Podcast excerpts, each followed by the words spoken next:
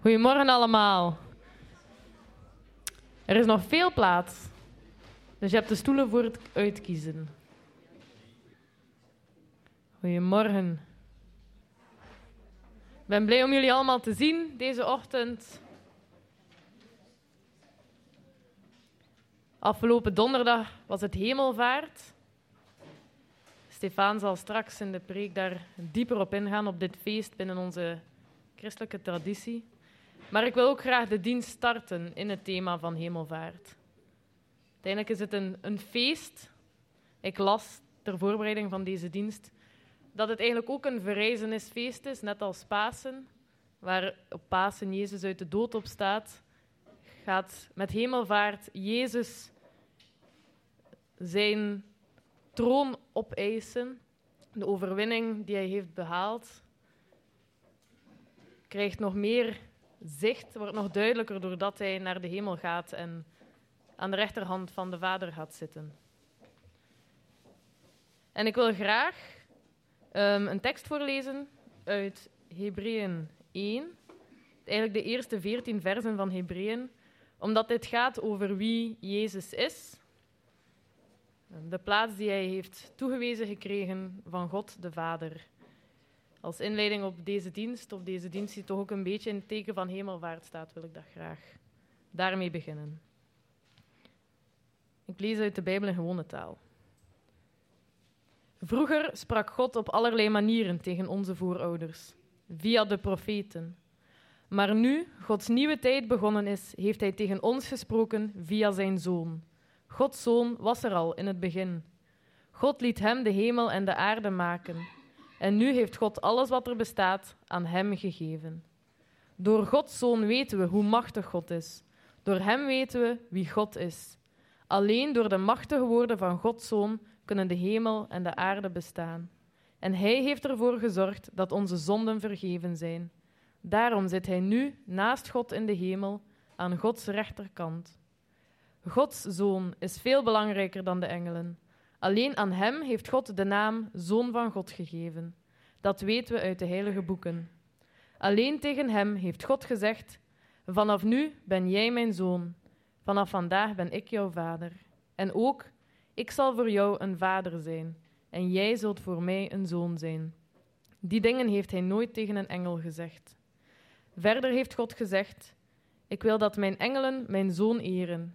En dat is gebeurd toen God zijn enige zoon terughaalde naar de hemel. Over de engelen heeft God gezegd: De engelen, mijn dienaren, heb ik gemaakt van wind en vuur. Maar tegen zijn zoon heeft hij gezegd: Jij bent God. Jij bent voor altijd het koning. Je bent een goede en rechtvaardige heerser. Je wilt eerlijkheid, je haat het kwaad. Daarom heb ik aan jou eeuwige vreugde gegeven in de hemel en aan niemand anders. God heeft ook tegen zijn zoon gezegd: Jij bent de Heer. Je zult er altijd zijn. Jij hebt in het begin de hemel en de aarde gemaakt. Die zullen verdwijnen, net zoals oude kleren verslijten en weggegooid worden. Niets blijft ervan over. Maar jij zult voor altijd dezelfde blijven. Jij zult voor altijd leven. Alleen tegen zijn zoon heeft God gezegd: Ga naast mij zitten, aan de rechterkant. Ik zal je vijanden diep voor jou laten buigen. Dat heeft hij nooit tegen een engel gezegd. Laten we de naam van God groot maken. We gaan samen een paar uh, liederen nemen. En dan het kindermoment. Laten we samen tijd nemen, kunnen samen recht staan. Uh, overal wat leeft.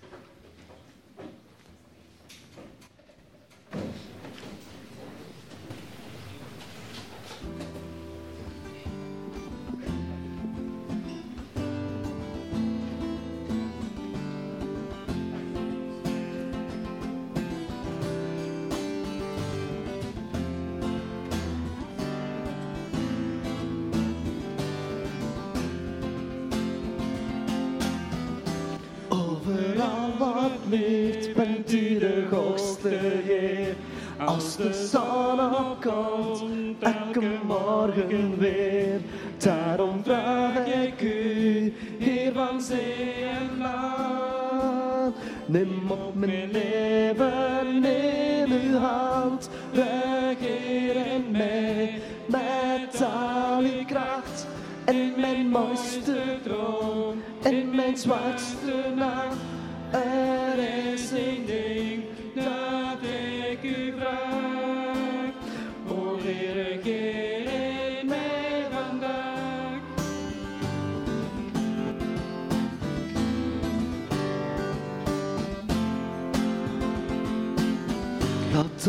Alles wat ik denk en alles wat ik denk, als een spiegel zijn van wie u in mij bent.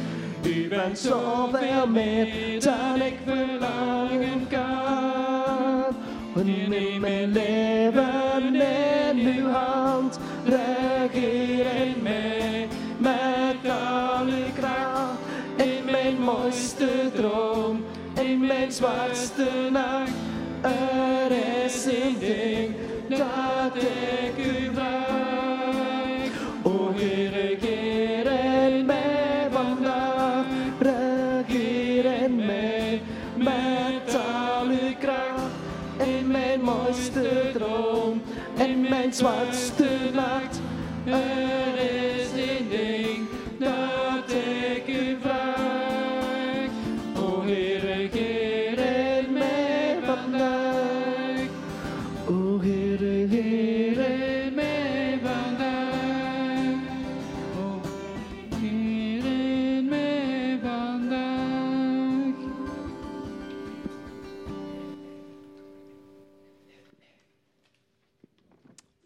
God.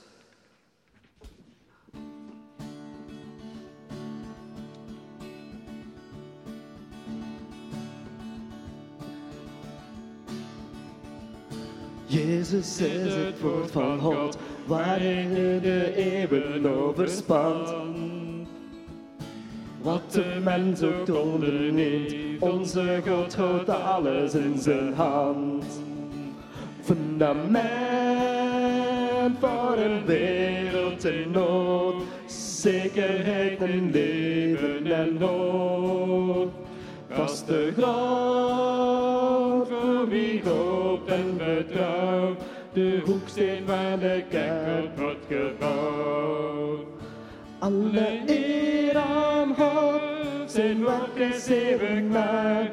Kom zing voor God, verbonden met elkaar. De kerk viert feest, is blij van zijn geloof. God heeft zijn woord gegeven, hij doet wat hij gelooft.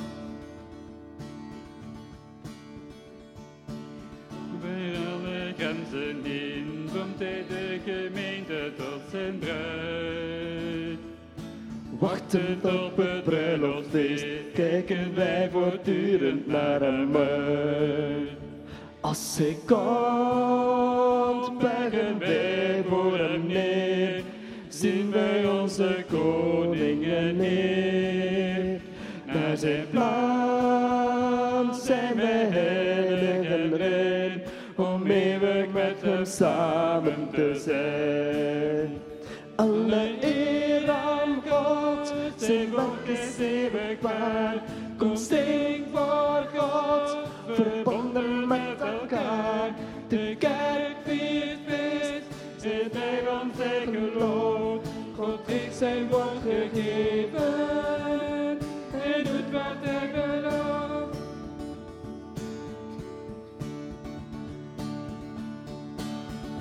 Alle eer aan God, zijn woord is eeuwig waar. Kom zing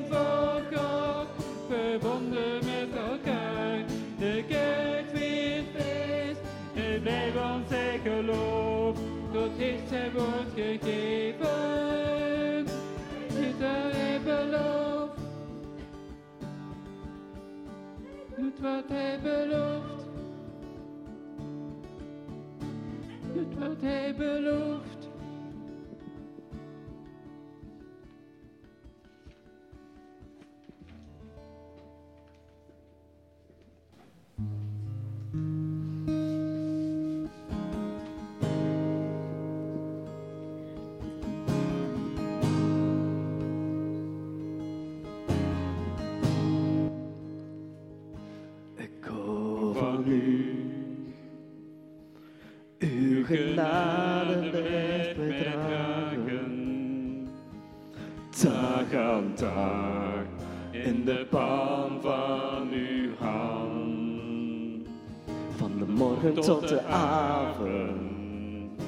Als ik weer slapen ga, zing ik steeds van de goedheid van God.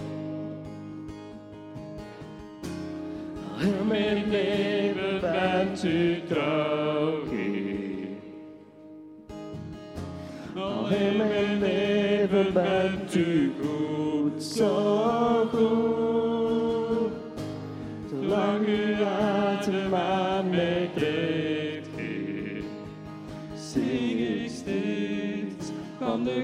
de.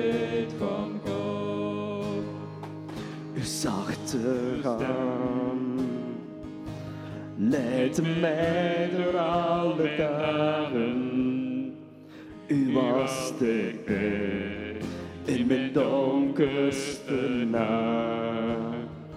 Heer, ik ken u als een vader, ik ken u als een vriend. Ik leef met u in de goedheid van God. Ach, in mijn leven bent u trouw, Heer. Ach, in mijn leven bent u goed, zo goed. Zolang u atem aan mij geeft, zing ik van de goedheid van God.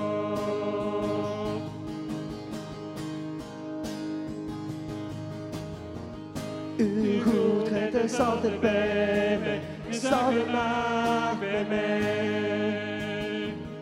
Uw goedheid is altijd bij mij, is dag en nacht bij mij.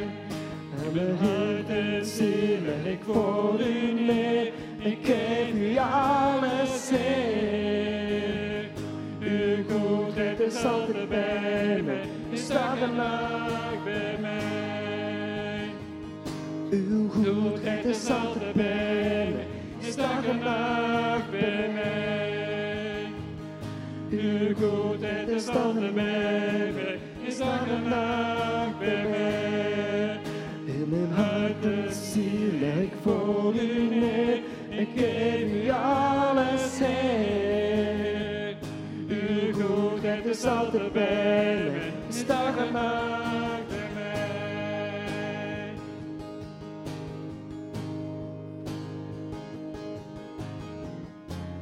Ach, in mijn leven bent u trouw, Heer. Al in mijn leven bent u goed, zo U adem aan mij geeft, Heer, zing ik steeds van de goedheid van God.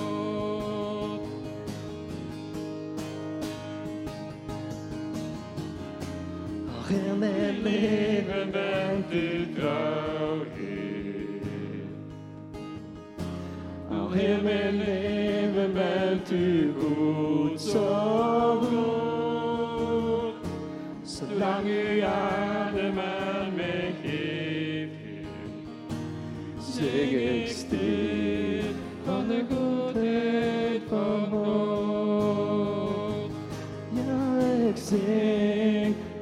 Van de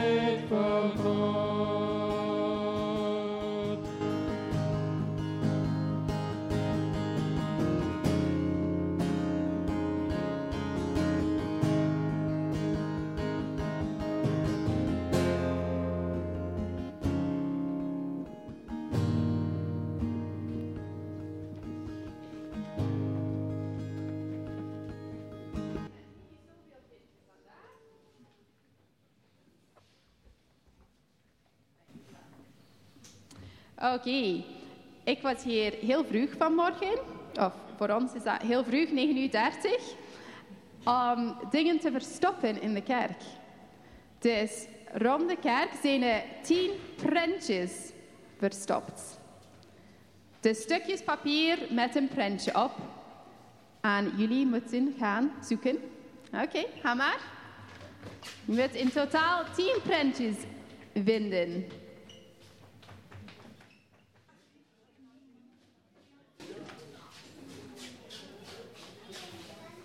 Oké, het is niet erg, we gaan het later vinden. Jullie mogen terugkomen. Niet naar de muzikanten gaan. Oké. Dus als we kijken naar de prentjes die we gevonden hebben, waarover gaan ze allemaal? Burger King. Burger King. Het gaat niet over Burger King. Koningen. Ja, koningen, koningschap. En king, koning, ja. Ehm, ja, dus het thema is koningschap. En waarom heb ik dit thema gekozen vanmorgen? Omdat Jezus een koning is en hij ging naar de hemel als een koning.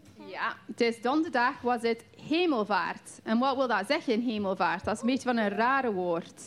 Iemand anders, Annelies, weet wat hemelvaart betekent? Een feest dat we herdenken dat Jezus naar de hemel is. Ja, Jezus is naar de hemel. Dus Jezus ging naar de hemel op hemelvaart. En dat is ook een symbool dat Jezus koning werd. Jezus werd koning van heel de wereld. En we gaan daar dieper op ingaan in de zondagschool. Maar nu gaan we ons liedje zingen. Ons lied van de maand. Voilà. Oké, we kunnen allemaal recht staan, hè? Golier zingt mee.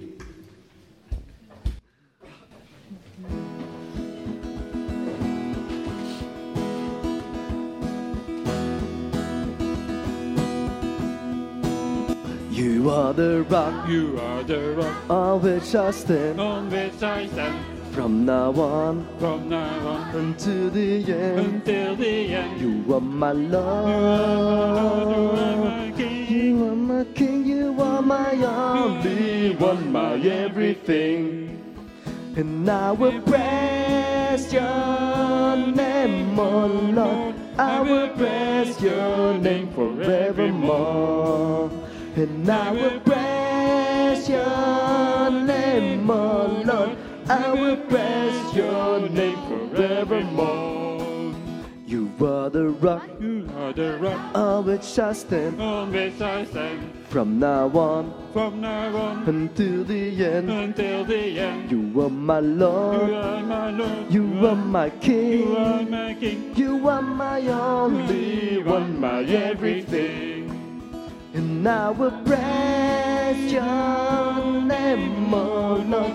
I will praise your name forevermore.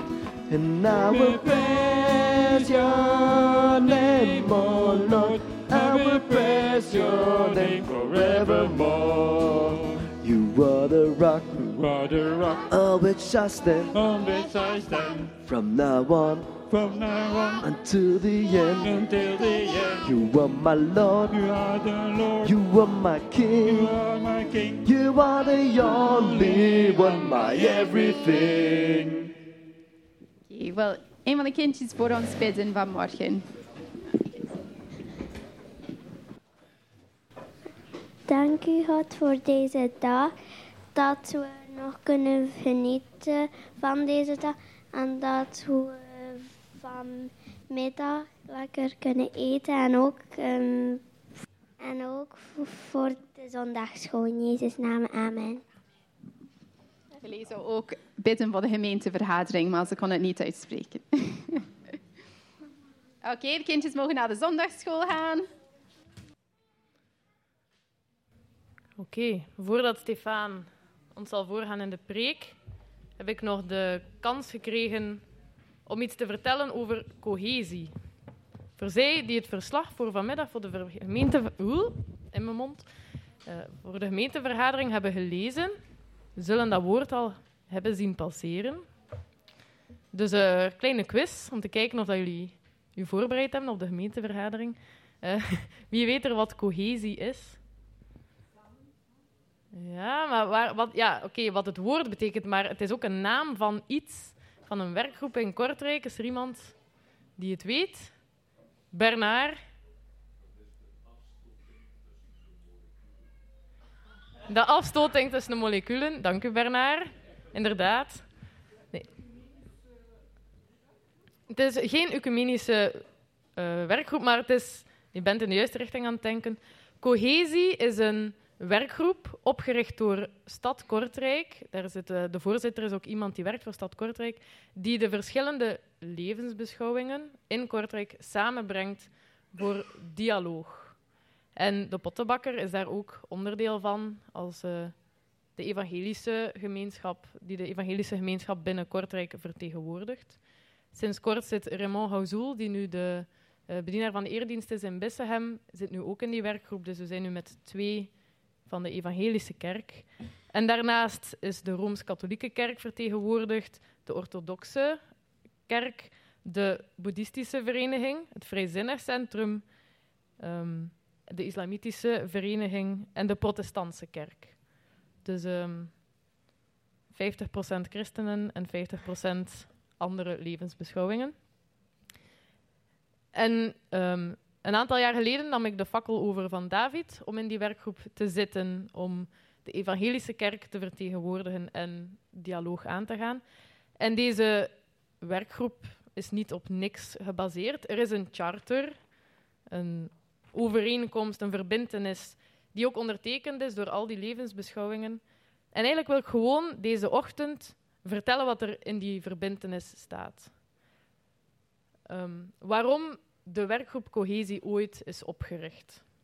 Dat is nu ongeveer een vijftal jaar geleden dat die verbindenis is ondertekend, dat dat is opgesteld, maar het is al veel langer dat verschillende levensbeschouwingen samenkomen om in dialoog te gaan met elkaar. Zo is er door die samenwerking is de uh, bezinningsruimte in het AZ Groeningen ontstaan. Ik weet niet hoeveel jaar dat geleden is, een jaar of zeven, acht, tien misschien al. Um, is ontstaan doordat de verschillende levensbeschouwingen samen aan de mouwen van het AZ Groeningen hebben getrokken om een bezinnings- en gebedsruimte te creëren in het AZ Groeningen. En ik ga eigenlijk gewoon die verbindenis voorlezen en dan heel kort nog iets zeggen over de dingen die we dan allemaal doen in die werkgroep. Het bestaat uit vier punten. 1. Levensbeschouwingen zijn een waardevol onderdeel van de Kortrijkse samenleving en spelen een belangrijke rol in het leven van veel Kortrijkzanen. 2. Levensbeschouwingen dragen bij aan de vorming van een samenleving waarin de fundamentele democratische rechten, vrijheden en waarden de grondslag vormen, er met respect voor elkaars religieuze en filosofische overtuiging. 3. Deze diversiteit betekent een grote verrijking voor de Kortrijkse samenleving. En 4. Deze overeenkomst is een engagementsverklaring van de verschillende levensbeschouwingen die Kortrijk rijk is. Zo willen de partners de uitwisseling en samenwerking verder verdiepen. En die uitwisseling die is gebaseerd op enkele fundamenten die alle levensbeschouwingen in Kortrijk onderschrijven. Het zijn een aantal waarden, fundamenten, die zijn wederzijds respect voor elkaars waarden en cultuur, verdraagzaamheid en tolerantie voor alle burgers, ongeacht hun levensbeschouwing, gelijkheid in rechten en in behandeling, openheid om elkaar te ontmoeten en op een vreedzame manier met elkaar in dialoog te treden, met waardering voor elkaars verschillen, en solidariteit en verbondenheid om elkaar te steunen bij ingrijpende gebeurtenissen. Eh, bij dit laatste, een heel concreet voorbeeld, toen uh, de oorlog in Oekraïne uitbrak, um, was er een viering waar alle levensbeschouwingen op aanwezig waren. Het was een christelijke viering, het was een samenwerking met de orthodoxe kerk en de evangelisch-Russisch sprekende kerk. Maar de andere levensbeschouwingen waren daar ook aanwezig. De inzamelingen van goederen voor de vluchtelingen werd ook binnen de moskee werd er opgeroepen om grief te brengen naar de Russisch sprekende kerk. Um, dat is een voorbeeld van elkaar steunen bij ingrijpende gebeurtenissen. En dan telkens wordt er rekening gehouden met het vinden en koesteren van de elementen die we met elkaar delen of gemeen hebben, het bespreken van de verschillen in verband met een aantal actuele thema's of gebeurtenissen, het aanmoedigen om mensen van verschillende filosofische strekkingen met elkaar in contact te brengen. En daar staat ook nog in, en het proberen innemen van een gezamenlijk standpunt over plaatselijke problemen of conflicten. Dus dit gaat niet over theologische overwegingen een gemeenschappelijk standpunt. Totaal niet. Het gaat over hoe kunnen we Kortrijk een betere plek maken voor ons allemaal. En dan met het ondertekenen van deze verklaring engageren de levensbeschouwingen zich voor de verdere uitbouw van activiteiten met het oog op interlevensbeschouwelijk dialoog. Voorbeelden hiervan van een interlevensbeschouwelijk dialoog. Afgelopen september hadden we in Vork, het volksrestaurant in Kortrijk, een diner waar je aan tafel werd gezet met mensen met andere levensbeschouwingen. En ging in gesprek, ah, wat geloof jij? En zo zat ik aan tafel met iemand die zei, ik heb alle levensbeschouwingen afgeschuimd op zoek naar eh, wat is voor mij hetgeen waar ik eh, ja, mij in kan vinden. En uiteindelijk was die bij het humanisme terechtgekomen. Maar dan kon ik hem vragen, wat heb je dan gemist in het christendom? Hoe komt het dat je het in de evangelische kerk of de katholieke kerk, dat je het daar niet hebt gevonden? En op die manier kan je gesprek gaan en kan je gaan vertellen waarom het voor mij wel duidelijk is dat wat wij geloven wel de waarheid is. Dat, dat ik overtuigd ben dat, ik, dat God echt is, dat Jezus echt is en aan het kruis is gestorven voor onze zonden. Een dik jaar en een half geleden hebben we in de Boeddhascoop een documentaire bekeken met een panelgesprek achteraf um, over hoe in verschillende landen, in verschillende culturen, de verschillende geloofsgemeenschappen elkaar helpen, elkaar steunen. Er zijn klassen die op bezoek komen in de gebedshuizen, of zoals hier in de kerk, in de moskee, in het Huis van de Mens, waar dat wij de kans krijgen, David en ik nemen dat op, vooral op ons als er hier klassen komen, om te vertellen wie zijn de mensen die hier in de pottenbakker samenkomen, wat geloven wij, waarom komen wij hier samen. Um, ik denk dat dat, of ik ben ervan overtuigd dat dat kansen zijn die we moeten grijpen. Jonge mensen, lagere scholen en middelbare scholieren, maar ook de leerkrachten die meekomen, kunnen vertellen ze willen luisteren, want ze komen om iets te leren. Dus ze komen met een open houding, willen luisteren. Ah, wie zijn die christenen?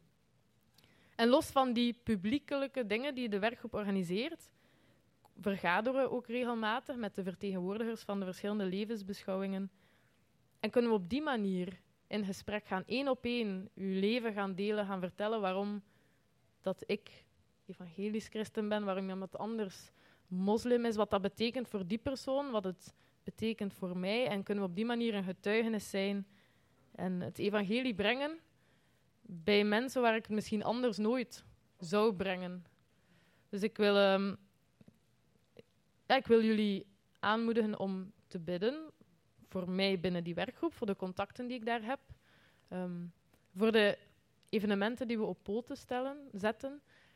Dat zijn kansen die we niet elke dag krijgen. Um, kansen waar we niet met angst naar moeten kijken van oei, die gaan ons misschien willen overtuigen van hun levensbeschouwing. Ik ben alleszins overtuigd van wat ik geloof. Ik denk dat mijn fundament, ik hoop dat mijn fundament sterk genoeg is, maar daar mogen jullie ook voor bidden, um, om mij niet te laten van mijn fundament vallen, maar ik weet wat ik geloof. En ik ben geïnteresseerd in wat iemand anders gelooft en ik hoop dat ik mijn geloof kan delen en dat we dat op die diners, op die discussieavonden, op wat dat we ook nog organiseren met de werkgroep, dat ik dat, dat jullie, als je daar naartoe komt, dat we dat kunnen delen. Niet vanuit een angst van oei, oei, ze willen dat we allemaal hetzelfde denken. Absoluut niet. Dat we juist kunnen vertellen waarom wij, als uh, Jesus people, waarom wij anders zijn. En, wat er zo mooi is aan het offer van Jezus, dat we dat kunnen delen via dit platform. Voilà, tot daar.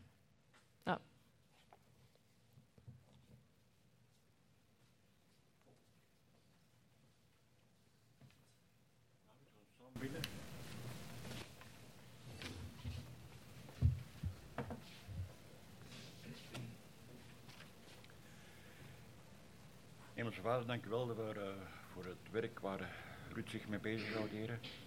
Voor, voor haar uh, inzet ook. En we u zegen vragen, heer, over, uh, ja, over cohesie. En dat het inderdaad de samenwerking mag bevorderen. Maar dat we ook onze, onze eigenheid bewaren, heren. Zegen Ruud en, haar werk en zegen Ruud en haar gezin ook, heren. Vraag u Jezus naam. Amen. Hemelse Vader, uh, wij danken u dat u ons roept om uh, zout en licht te zijn in deze maatschappij. En we willen dat doen, we willen dat zijn als kerkgemeenschap hier in Kortrijk, waar dat u ons geplaatst hebt. We danken u voor de mogelijkheden die we krijgen om toch eh, als kerkgemeenschap ehm, te laten weten wat we voor staan, wat wij geloven, wat belangrijk is voor ons. Heer, ik dank u dat Ruud heeft dat, eh, die taak op zich genomen om onze gemeente daar te vertegenwoordigen. Heer, ik bid u zegen over haar. Wilt u haar daarin sterken? En ik bid ook dat wij als kerkgemeenschap mogen achter haar staan, dat wij ook voor haar zullen bidden. En ehm, als de gelegenheid zich voorkomt, dat we ook af en toe zullen meedoen en meehelpen waar dat we kunnen. Heer, dat we samen uh, als gemeenschap mogen uh, zout en licht zijn in deze stad. Amen. Amen.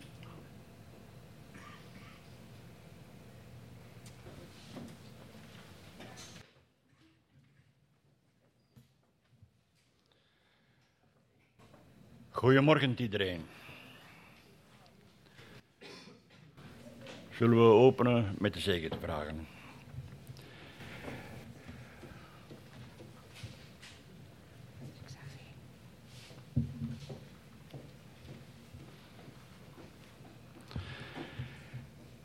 Hemelse Vader, vandaag denken wij terug aan uh, uw hemelvaart, heren.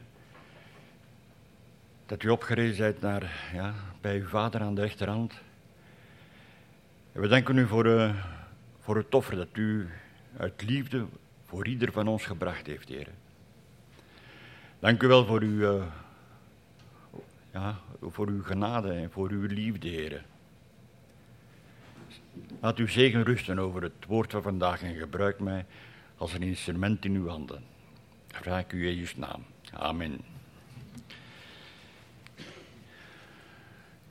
Dus verleden donderdag was het de feestdag van hemelvaart. Veertig dagen na paaszondag, zijn overwinning op de dood. Precies veertig dagen en dus altijd op een donderdag. Voor de meeste mensen betekent hemelvaart alleen maar een paar extra vrije dagen. En denkt men daar niet verder over na. Wat zegt de Bijbel nu precies over Jezus hemelvaart? Eigenlijk niet veel. Het evangelie van Matthäus vertelt er niets over. En in Johannes staan alleen maar enkele verwijzingen naar zijn hemelvaart. Alleen Marcus en Lucas wordt het heel kort vermeld. Een beetje meer uitleg krijgen we in het boek Handelingen, waarvan aangenomen wordt dat deze door Lucas geschreven is. Net voor Jezus opgenomen wordt, lezen we ook de opdracht die hij ons meegeeft. Hij zegt in Handelingen 1. Maar u zult de kracht van de Heilige Geest ontvangen die over u komen zal. En u zult mijn getuige zijn, zowel in Jeruzalem als in heel Judea en Samaria en tot aan de uiterste van de aarde. En nadat hij dit gezegd had, werd hij opgenomen terwijl zij het zagen. En een wolk ontrok hem aan hun ogen. En toen zij, terwijl hij van hen wegging, hun ogen naar de hemel gericht hielden, zie, twee mannen stonden bij hem, bij hen in witte kleding, die ook zeiden, Galileese mannen, waarom staat u omhoog te kijken naar de hemel? Deze Jezus, die van nu opgenomen is naar de hemel, zal op dezelfde wijze terugkomen als u hem naar de hemel hebt zien gaan. En toen keerden zij terug naar Jeruzalem. En dat, en dat is bij mijn weten alles wat er in de, Bijbel, in de Bijbel vermeld staat over Jezus hemelvaart. Dat is niet veel. Deze feestdag heeft niet dezelfde status, dezelfde impact, zoals bijvoorbeeld kerst of Pasen. Hemelvaartsdag is als feestdag, ja, hangt er maar een beetje bij. Het is geen dag waarin je naartoe leeft. Met kerst kunnen we vieren dat Christus naar ons toe kwam, dat hij bereid was om zijn goddelijke heerlijkheid af te leggen. Met Goede Vrijdag staan we stil bij zijn verlossingswerk, zijn sterven op het kruis. En met Pasen is er de machtige boodschap van dat hij de dood heeft overwonnen. Maar Hemelvaartsdag, Ik denk dat het voor de apostelen helemaal geen feestdag was. Dat het voor hen meer de allure had van een afscheidsdienst. En al heeft Jezus beloofd dat zij niet als wezen zouden achterblijven, het zal hen wel een onrustig gevoel gegeven hebben en niet min, om niet te min verweest achter te blijven. Maar wij weten nu wel beter. Op Pasen is de overwinning behaald. En op Hemelsvaardag wordt de huldiging van de overwinnaar als het ware nog eens officieel overgedaan. Hemelvaartsdag is het feest van de troonsbestijging van de Zoon. De dag dat hij opnieuw zijn goddelijke heerlijkheid opnam. En hij zit voortaan aan de rechterhand van de Vader. Dat is op de plaats waar de macht is en waar zij uitgeoefend wordt. En wat die troonsbestijging inhoudt, daarover zegt Paulus in Efeziërs 1 het volgende. In vers 19 zegt Paulus dat de krachtige werking van Gods macht overweldigend groot is voor hen die geloven. En die macht lezen we vanaf vers 20. En die macht was ook werkzaam in Christus, toen God hem opwekte uit de dood en hem in de hemelsferen een plaats gaf aan zijn rechterhand. Hoog boven alle hemelse vorsten en heersers, alle machten en krachten en elke naam die genoemd wordt, niet alleen in deze wereld, maar ook in de toekomstige. Hij heeft alles aan zijn voeten gelegd en heeft hem als hoofd over alles aangesteld. Voor de kerk, die zijn lichaam is. De volheid van hem die alles in allen vervult. Die alles in allen vervult. Dat wil zeggen dat hij met diezelfde macht en kracht in alle dingen aanwezig en werkzaam is. Jezus is aangesteld als hoofd van de kerk. En Jezus heeft ons dus de opdracht gegeven om te getuigen voor onze kinderen, onze geburen en tot het uiterste der aarde. Maar dat ga ik vandaag even opzij leggen. Want hij heeft ons nog een opdracht gegeven. En hij vond deze blijkbaar zo belangrijk dat hij tijdens zijn, tijdens zijn afscheidsreden bij het laatste avondmaal, dat hij het expliciet, vermeldde als een nieuw gebod. Trouwens, het enigste gebod wat hij heeft ingesteld. En dan weet u meteen waarover ik het heb. We lezen dat in Johannes 13. Een nieuw gebod geef ik u, dat gij elkander lief hebt. Gelijk ik u lief gehad heb, dat gij ook elkander lief hebt.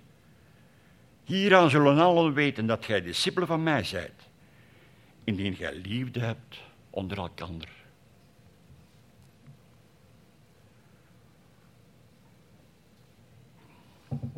Eigenlijk is het nieuwe gebod helemaal niet zo nieuw.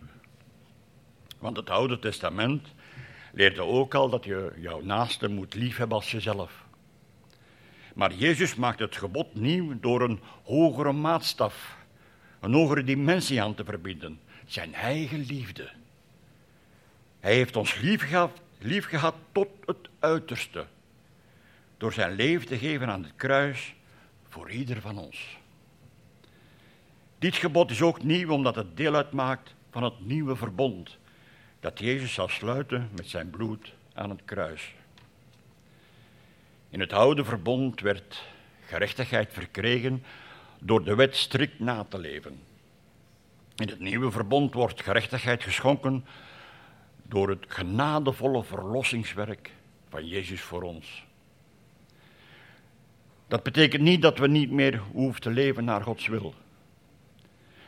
Dat moeten we juist wel, maar niet om onze redding te verzekeren of om Gods gunst te verdienen, maar als antwoord, als reactie op wat God voor ons heeft gedaan.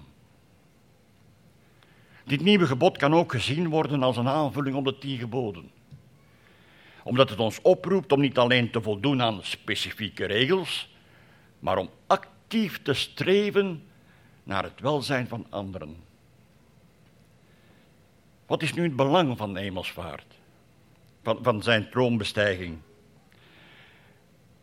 De hemelvaart van Jezus en zijn verheven positie boven alle machten en krachten, benadrukt zijn goddelijkheid, zijn autoriteit en zijn soevereiniteit. En benadrukt de rol van de kerk als het lichaam van Christus op aarde. Terwijl zijn gebod om elkaar lief te hebben laat zien hoe christenen worden opgeroepen om, in leven, om, het, om te leven in relatie met elkaar. Hij wil dat wij één zijn in hem. Zoals hij heen is in de Vader. En dat zijn gemeente, zijn kerk, het lichaam vormt op aarde waarvan hij het hoofd is. Dat nieuwe gebod is niet zomaar een advies of een suggestie, het is een opdracht. Jezus' werk op aarde is volbracht en hij draagt zijn missie over aan zijn leerlingen en dus ook aan ons. Hij wil dat wij na zijn vertrek elkaar blijven steunen en bemoedigen in het geloof. En dat wij getuigen van zijn liefde voor de wereld doorheen onze onderlinge liefde voor elkaar. De liefde van Jezus toepassen wil zeggen dat we bereid moeten zijn om onze eigen belangen opzij te zetten en ons te richten op het welzijn van anderen. Om onze tijd, energie en middelen te delen met degenen die het nodig hebben. Niet met onze liefde, want dat kunnen wij niet. Maar wel met de liefde van Jezus. Wat inhoudt dat we elkaar moeten liefhebben met een oprechte liefde, die niet gebaseerd is op uiterlijke kenmerken of voorwaardelijke gevoelens, maar op de waarde die God aan elk persoon geeft. Dat betekent ook dat we elkaar moeten liefhebben met, met een nederige liefde, die niet zoekt naar eigen eer of voordeel, maar bereid is om zichzelf te verlagen en te dienen, zoals Jezus dat deed tijdens het laatste avondmaal, toen hij de voeten van zijn discipelen waste. Wat is dat in de Bijbel toch met die voeten? We hebben hier de voetwassing tijdens het laatste avondmaal. Maar ook als Jezus na zijn verrijzenis voor de eerste maal verschijnt aan zijn discipelen, dan lezen we in Matthäus, ze gingen naar hem toe en grepen zijn voeten en aanbaden hem. Ze raakten niet als, als eerste zijn handen aan, die hen, die hen hadden gezegend, ook niet zijn lippen, die hen, die hen hadden onderwezen. Nee, ze grepen zijn voeten. Als je heel blij bent om iemand te zien, daar ring je, daar ring je toch naartoe. En je vliegt rond zijn nek, je geeft hem een dikke knuffel. Je grijpt hem toch niet bij de voeten? Oh, en ook in Jezaja lezen we, Jezaja 52, hoe lieflijk zijn op de bergen de voeten van hem die het goede boodschapt. Er staat niet hoe lieflijk zijn de lippen, hoe lieflijk is de boodschap die hij brengt. Nee, hoe lieflijk zijn de voeten van hem die het goede boodschapt. Het is een vorm van, van, van beeldspraak. Vaak een manier om respect en onderdanigheid weer te geven. Zoals de voetwassing die eigenlijk behoorde tot het takenpakket van een slaaf. Het is een manier van denken die we tegenkomen in de Bijbel. In de Bijbel staan voeten ook vaak symbool, symbool voor de weg door het leven. Psalm 119, uw woord is een lamp voor mijn voeten. Tijdens de voorbereiding van deze preek kwam ik het volgende citaat tegen.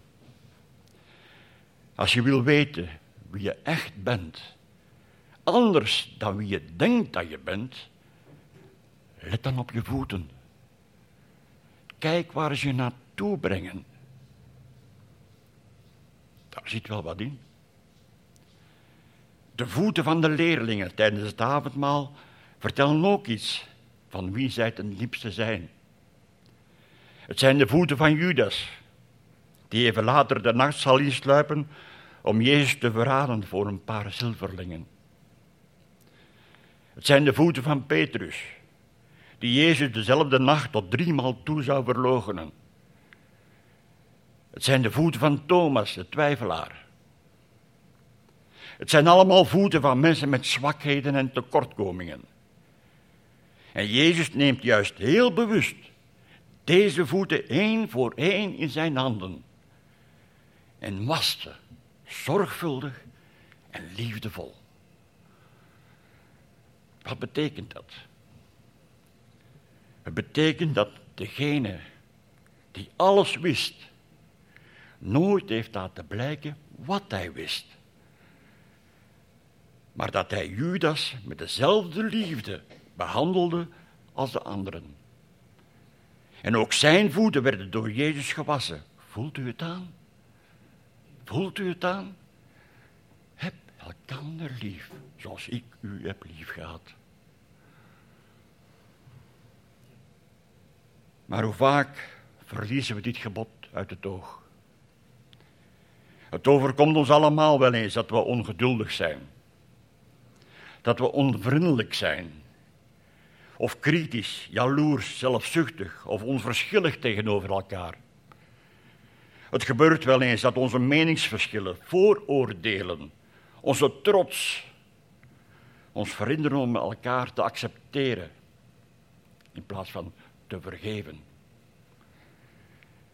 te helpen of te bemoedigen. Elke keer we dit nieuwe gebod vergeten, schaden we de eenheid en de vrede in de gemeente. Jammer dat Jezus nu niet fysiek aanwezig is. Ik weet zeker dat hij ongevraagd van ieder van ons de voeten zou wassen. Zou u dat toelaten?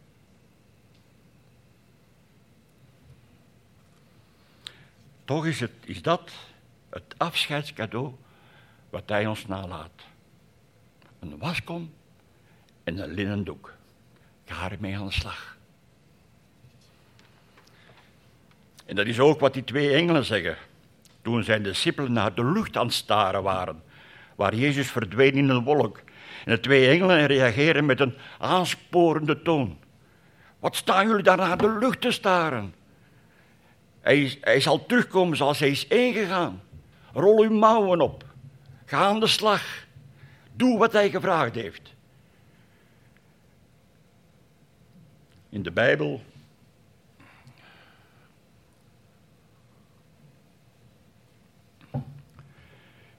In de Bijbel staat er ook dat wij onze vijanden moeten liefhebben. Wie kan dat? U kan dat niet en ik kan dat niet. In onze menselijke liefde hangen er veel te veel voorwaarden aan vast. Soms kunnen we geïrriteerd raken door het gedrag van anderen. Of kunnen we ons diep gekwest voelen door hun woorden of daden. Wie van ons zou mannen kunnen liefhebben zoals Hitler? Hoeveel Oekraïners zouden vandaag Poetin kunnen liefhebben? Of dichter bij huis, wie van u zou kunnen liefhebben die u bewust kwaad heeft gedaan? Of die u diep beledigd heeft? Of die, die roddels over u verspreid heeft? Dat kan niemand. Ik ook niet. Als iemand je pijn doet of teleurstelt, kan het heel moeilijk zijn om te verwerken. Je kunt verdrietig, boos of zelfs verbitterd raken. Maar luister naar het wonder. Jezus' liefde overwint alles. Gelooft u dat? Gelooft u dat? Het verschil tussen Jezus' liefde en menselijke liefde is dat Jezus' liefde volmaakt, onvoorwaardelijk en opofferend is. Terwijl, als we eerlijk zijn, menselijke liefde vaak onvolmaakt, voorwaardelijk en zelfzuchtig is. Jezus' liefde betekent dat we elkaar moeten liefhebben met een dienende liefde, die niet wacht tot de ander iets vraagt of nodig heeft, maar actief zoekt naar manieren om te helpen en te ondersteunen. Zoals Jezus deed toen hij de zieke genas en nog zoveel meer. Het betekent ook dat we elkaar moeten liefhebben met een opofferende liefde, die niet terugschrikt, terugschrikt voor lijden en dood, maar bereid is om alles te geven voor het welzijn van de ander. Net zoals Jezus deed. Toen hij, toen voor ons uit liefde zijn leven gaf aan het kruis. Je vijanden liefhebben wil niet zeggen dat we, hen, dat we hen leuk moeten vinden. Of dat we graag in hun gezelschap moeten vertoeven. Want ik weet, en dat is niet zo vanzelfsprekend, er loopt wel eens wat mis. En dat weet Paulus ook. En daarom ook dat Paulus schrijft in zijn brief aan de Filippenzen. Indien er dan enig beroep, enig, enig, al is het maar een klein beetje. Indien er dan enig beroep op u gedaan mag worden, in Christus. Indien er enige bemoediging der liefde. Indien er enige gemeenschap is des geestes. Indien er enige beetje ontferming en barmhartigheid is. Maak dan mijn blijdschap volkomen door eensgezind te zijn. Eén in liefdebetoon, één van ziel en één in streven. Laat die gezindheid bij u zijn, welke ook in Christus Jezus was. Paulus is een realist. Hij weet ook wel dat het bij ons niet altijd overstroomt van barmhartigheid, troost en liefde. De liefde is er soms maar met mondjesmaat. Wel, zegt de apostel, dan doe het maar met dat klein beetje. Hij dacht ons uit om toch aan de slag te gaan. We hoeven niet te wachten tot we vol zijn van Jezus' liefde. Alle beetje samen, al was het maar heel weinig. Breng het binnen. Het is hartelijk welkom. Samengebundeld, eendrachtig, heb je meer dan je denkt. In het wapenschild van ons land wordt het mooi verwoord. Eendracht maakt macht. Maar daarvoor moet er eerst eendracht zijn. En persoonlijk denk ik niet dat ons landje een voorbeeld is van eendracht. Als ik soms op tv kijk naar de debatten in het, in het parlement en luister hoe zij elkaar dikwijls en letterlijk schaamteloos uitzitten te kafferen, als het fout loopt, is het altijd de schuld van een ander. Dan lijkt het mij geen goed voorbeeld van, van eendracht. Misschien zou het wel een goed idee kunnen zijn om een cadeautje te sturen naar het parlement. Een waskom en een linnen doek. Dat zou pas een statement zijn. Maar goed, om verder te gaan. Paulus zegt, maak mijn blijdschap volkomen. Hij schrijft deze brief nota bene vanuit de gevangenis in Rome. Je zou verwachten dat, dat zijn blijdschap volkomen zou worden wanneer hij bevrijd wordt, zodat hij weer overal het evangelie zou kunnen verkondigen. Maar nee, dat is van ondergeschikt, ondergeschikt belang. Zijn geluk is pas volkomen wanneer wij als Christusgemeente eensgezind zijn. De eenheid in de gemeente gaat hem boven zijn eigen geluk. Eensgezindheid wil niet zeggen dat, het, dat, het in alles, dat wij in alles met elkaar, met, met elkaar eens moeten zijn. Dat lukt nooit. Ieder van ons is een unieke schepping. We, zijn allemaal verschillend. Maar christelijke eensgezindheid vereist wel dat we hetzelfde fundament hebben. Dezelfde geestelijke manier van elkaar benaderen en dingen bespreken. Eén in liefde. Eén in streven. Eén in liefdebetoon. Zou de Heer Jezus dit vandaag ook tegen ons zeggen? Ik denk het wel. Ik weet het zeker van wel.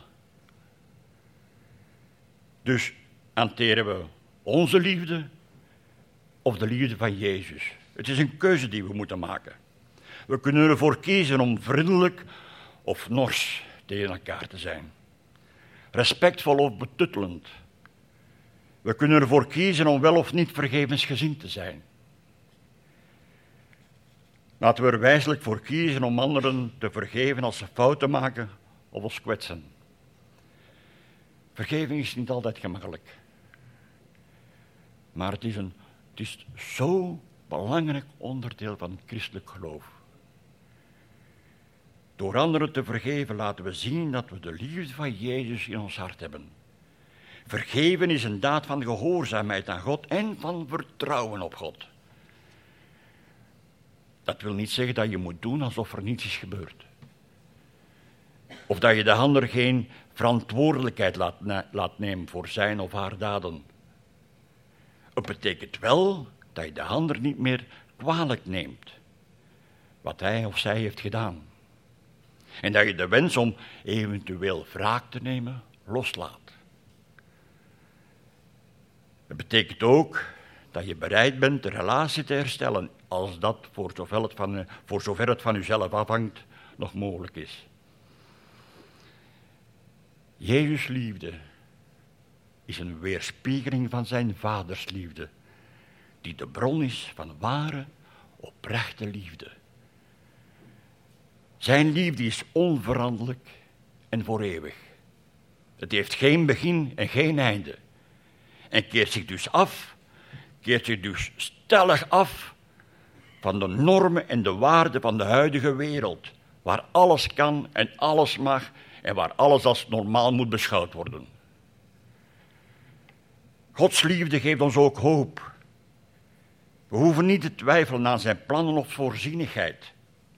Want hij, hij zal alles ten goede brengen voor hen die hem lief hebben. Hij geeft ons hoop die ons doet uitzien naar de toekomst. Die ons doet verlangen naar zijn wederkomst en zijn nieuwe schepping. Hoe meer wij hem leren kennen en liefhebben, hoe meer we zijn liefde kunnen ontvangen en doorgeven.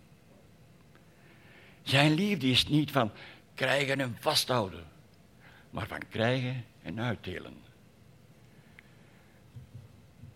Op de voorpagina van Potscherven staat daarover een mooi citaat van Spurgeon.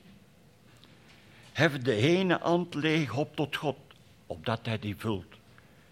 En deel met de andere uit wat u hebt ontvangen. We kunnen onze liefde voor God laten groeien door tijd met Hem door te brengen. In gebed, bijbellezen, aanbidding en gehoorzaamheid. Door elkaar lief te hebben zoals Jezus ons heeft liefgehad, laten wij aan de buitenwereld zien dat wij Zijn discipelen zijn. En dragen we zo bij aan het verspreiden van Zijn boodschap. De manier waarop wij door het leven gaan als oprecht christen is dikwijls het beste evangelie wat men kan verkondigen. Daden zeggen dikwijls meer dan woorden. En deze Jezus, die opgenomen is naar de hemel, zal op dezelfde wijze terugkomen. Jezus komt terug. Dat staat vast. U hoeft er nooit aan te twijfelen, want hij heeft het zelf gezegd, hij heeft het zelf beloofd. De vraag is alleen, hoe zullen wij hem ontvangen?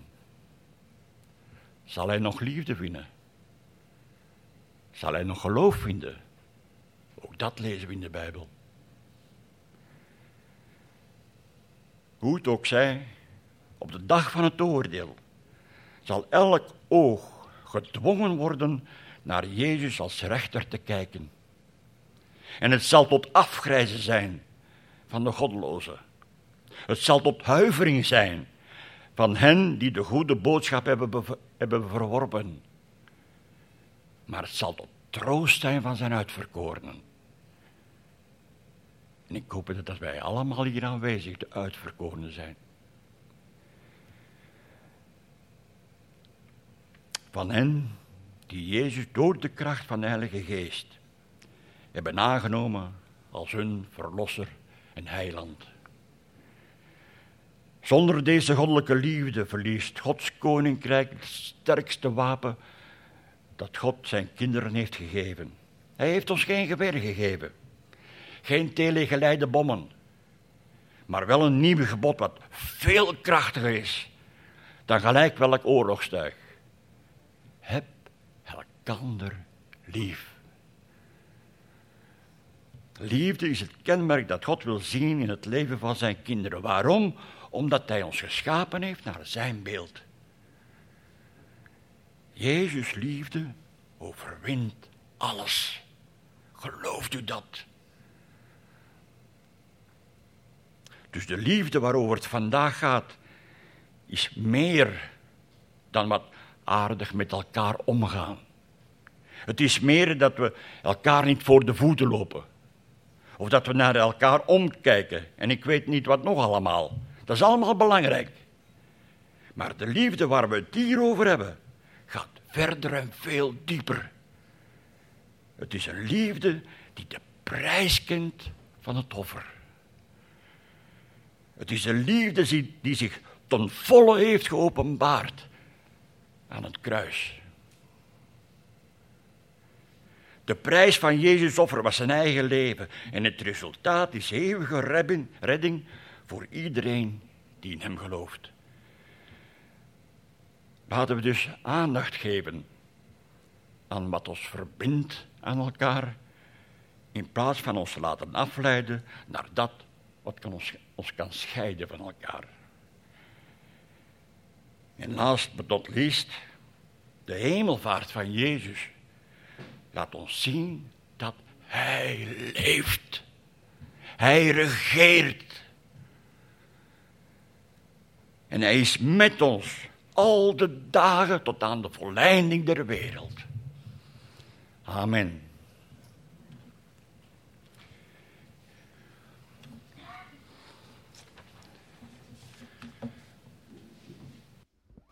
We afsluiten met een lied. Ik kan niet anders.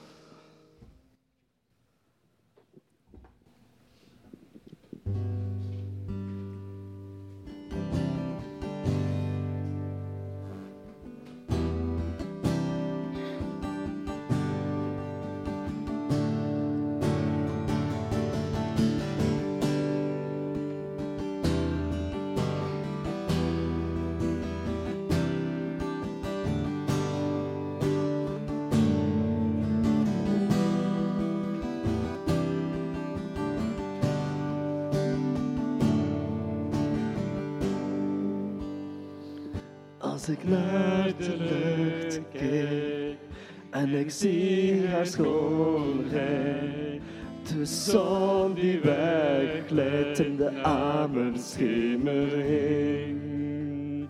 Als ik naar de sterren kijk, zo ver weg en wonderlijk, voel ik mijn kruis zo klein, een groot God in mij zingen. Dan kan ik u slechts danken, kan ik niet anders dan u dienen, Heer. Halleluja, halleluja, dan kan ik u slechts prijzen. Maak ik van heel mijn leven meer en meer. Halleluja. Halleluja, halleluja. En ik hoor verhalen van een God op aarde, die vol genade van medelijden was. Aan het kruis genageld werd, maar niet verslagen werd. Ik, u maakt alles nieuw. Door de kracht die uw redding bracht. Dan kan ik u slechts danken, kan ik niet anders dan u dienen, Heer. Halleluja, halleluja, dan kan ik u slechts prijzen maak ik van heel mijn leven meer en meer. Halleluja, halleluja, kan ik u slechts danken. Kan ik niet anders dan u dienen, Heer. Halleluja, halleluja, kan ik u slechts prijzen maak ik van heel mijn leven meer en meer. Halleluja, halleluja, halleluja.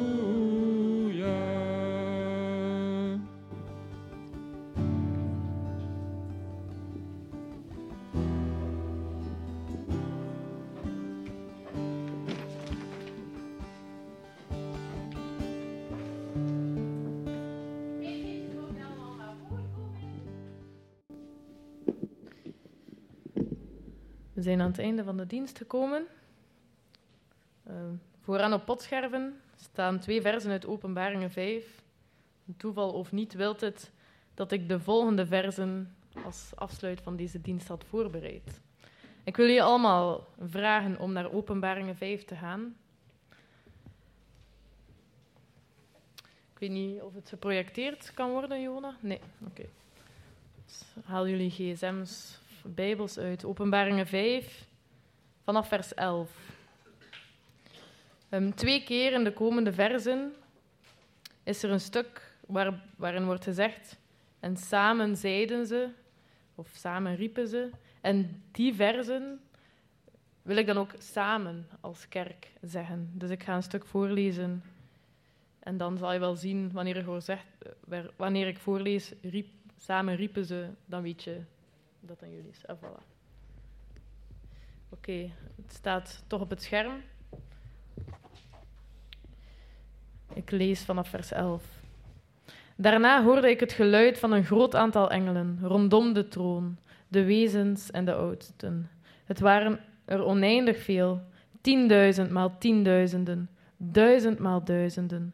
Met luide stem riepen ze: Het lam dat geslacht is, allemaal samen, het lam dat geslacht is, komt alle macht, rijkdom en wijsheid toe, en alle kracht, eer, lof en dank. Het is niet erg dat een andere vertaling is. Elk schepsel in de hemel, op aarde, onder de aarde en in de zee, alles en iedereen, hoorde ik zeggen. Aan hem die op de troon zit en aan het lam komen de dank, de eer, de lof en de macht toe, in eeuwigheid. Amen. Wij zijn deel van alle wezens op aarde. Wij mogen dat samen zeggen dat Hem alle eer en lof toekomt en dat Hij op de troon zit. En laten we dat niet vergeten. Ik wil de dienst nog afsluiten met een gebed en dan zal ik de mededelingen nog doen. Heere God, dank u wel. Dank wel dat Jezus op de troon zit. Dank wel dat dat betekent dat dat Hij de dood overwonnen heeft en wij daardoor zijn vrijgekocht. Dat wij opnieuw een relatie met de Vader kunnen hebben. Dank wel voor zijn voorbeeld van de liefde. God wilt u ons helpen om daar te blijven naar streven, naar liefhebben zoals Jezus lief heeft. Dat we inderdaad zout en licht kunnen zijn. Of we zijn dat, Heer, maar dat het veel smaak mag hebben en veel licht mag hebben. Ik wil ook uw zegen vragen over de gemeentevergadering vanmiddag. Dat we eensgezind mogen zijn, ook wanneer we van mening verschillen, omdat ons fundament hetzelfde is. Amen. Mocht u samen bidden gemist hebben deze dienst, morgen is bidstonde.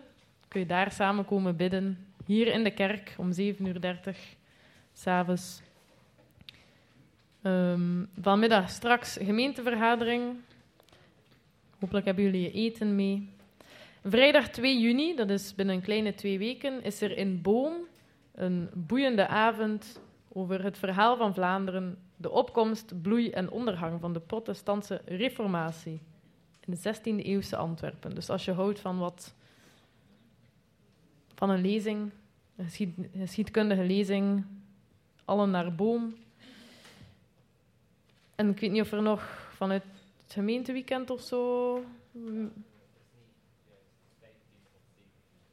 Ah ja, de datum van het gemeenteweekend is verkeerd in Potscherm. Het is van 15 tot 17 september.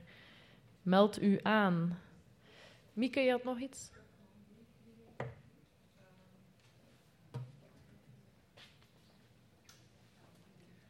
Dinsdagavond 23 mei is er in Nichtus een hele avond gewijd aan Open Doors. En er komen mensen van Open Doors spreken en een voorstelling geven. Er zal ook gebeden worden. En ik denk, dat ik het gelezen heb, dat het vooral over Noord-Korea en Pakistan zal zijn. Dus dinsdagavond om 8 uur in Ichtus. Nog iemand? Iets? Nee. Oké. Aangezien Jan er niet is om het te zeggen, zeg ik het. Ik trakteer met koffie en koekjes.